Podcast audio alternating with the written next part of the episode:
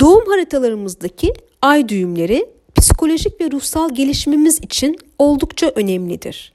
Güney ve kuzey düğümü bir akstır. Somut bir gerçeklik değil, bir noktadır.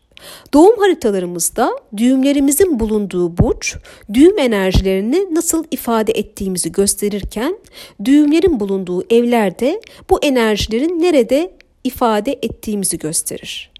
Her gezegene ait bir düğüm vardır ay düğümleri ay ile ilgilidir. Bu nedenle ay düğümleri ay ile ilişkili olarak bizi besleyecek, büyütecek enerji kanallarını anlatır.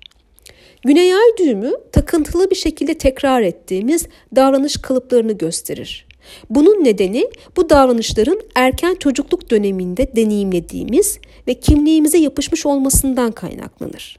Bununla birlikte Güney Ay düğümü yerleşimini içten bir şekilde bildiğimiz için yeteneklerimiz ve güçlü yönlerimizle de ilgili ilgisi vardır. Güney ay düğümümüzle hayata tutunur, dengemizi tekrar kazanmak ve duygusal olarak güvende hissetmek için bilinçaltımızda yer etmiş davranışların rahatlığına sığınırız. Kendimizi ne zaman kötü hissetsek bu davranış kalıbına geri döneriz. Güney ay düğümü bir limandır. Haritadaki yerleşim ne kadar zor olsa da onun içinde kendimizi rahat ve güvende hissederiz.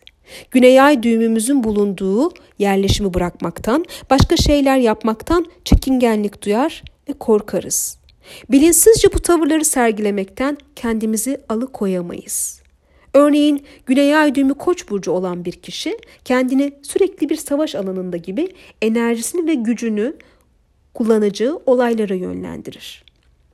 Veya Güney Ay düğümü İkizler burcunda olan biri ise uzun süre bir şeye odaklanmakta güçlük çekiyor olabilir. Bu noktada Güney Ay düğümü önümüzdeki en büyük engellerden biri olarak karşımıza çıkar.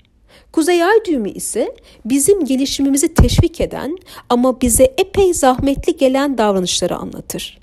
Burası bizim en çok geliştirmemiz gereken yetilerimizdir. Eğer gerekli çabayı gösterirsek konuyla ilgili fırsatlar da karşımıza çıkacaktır.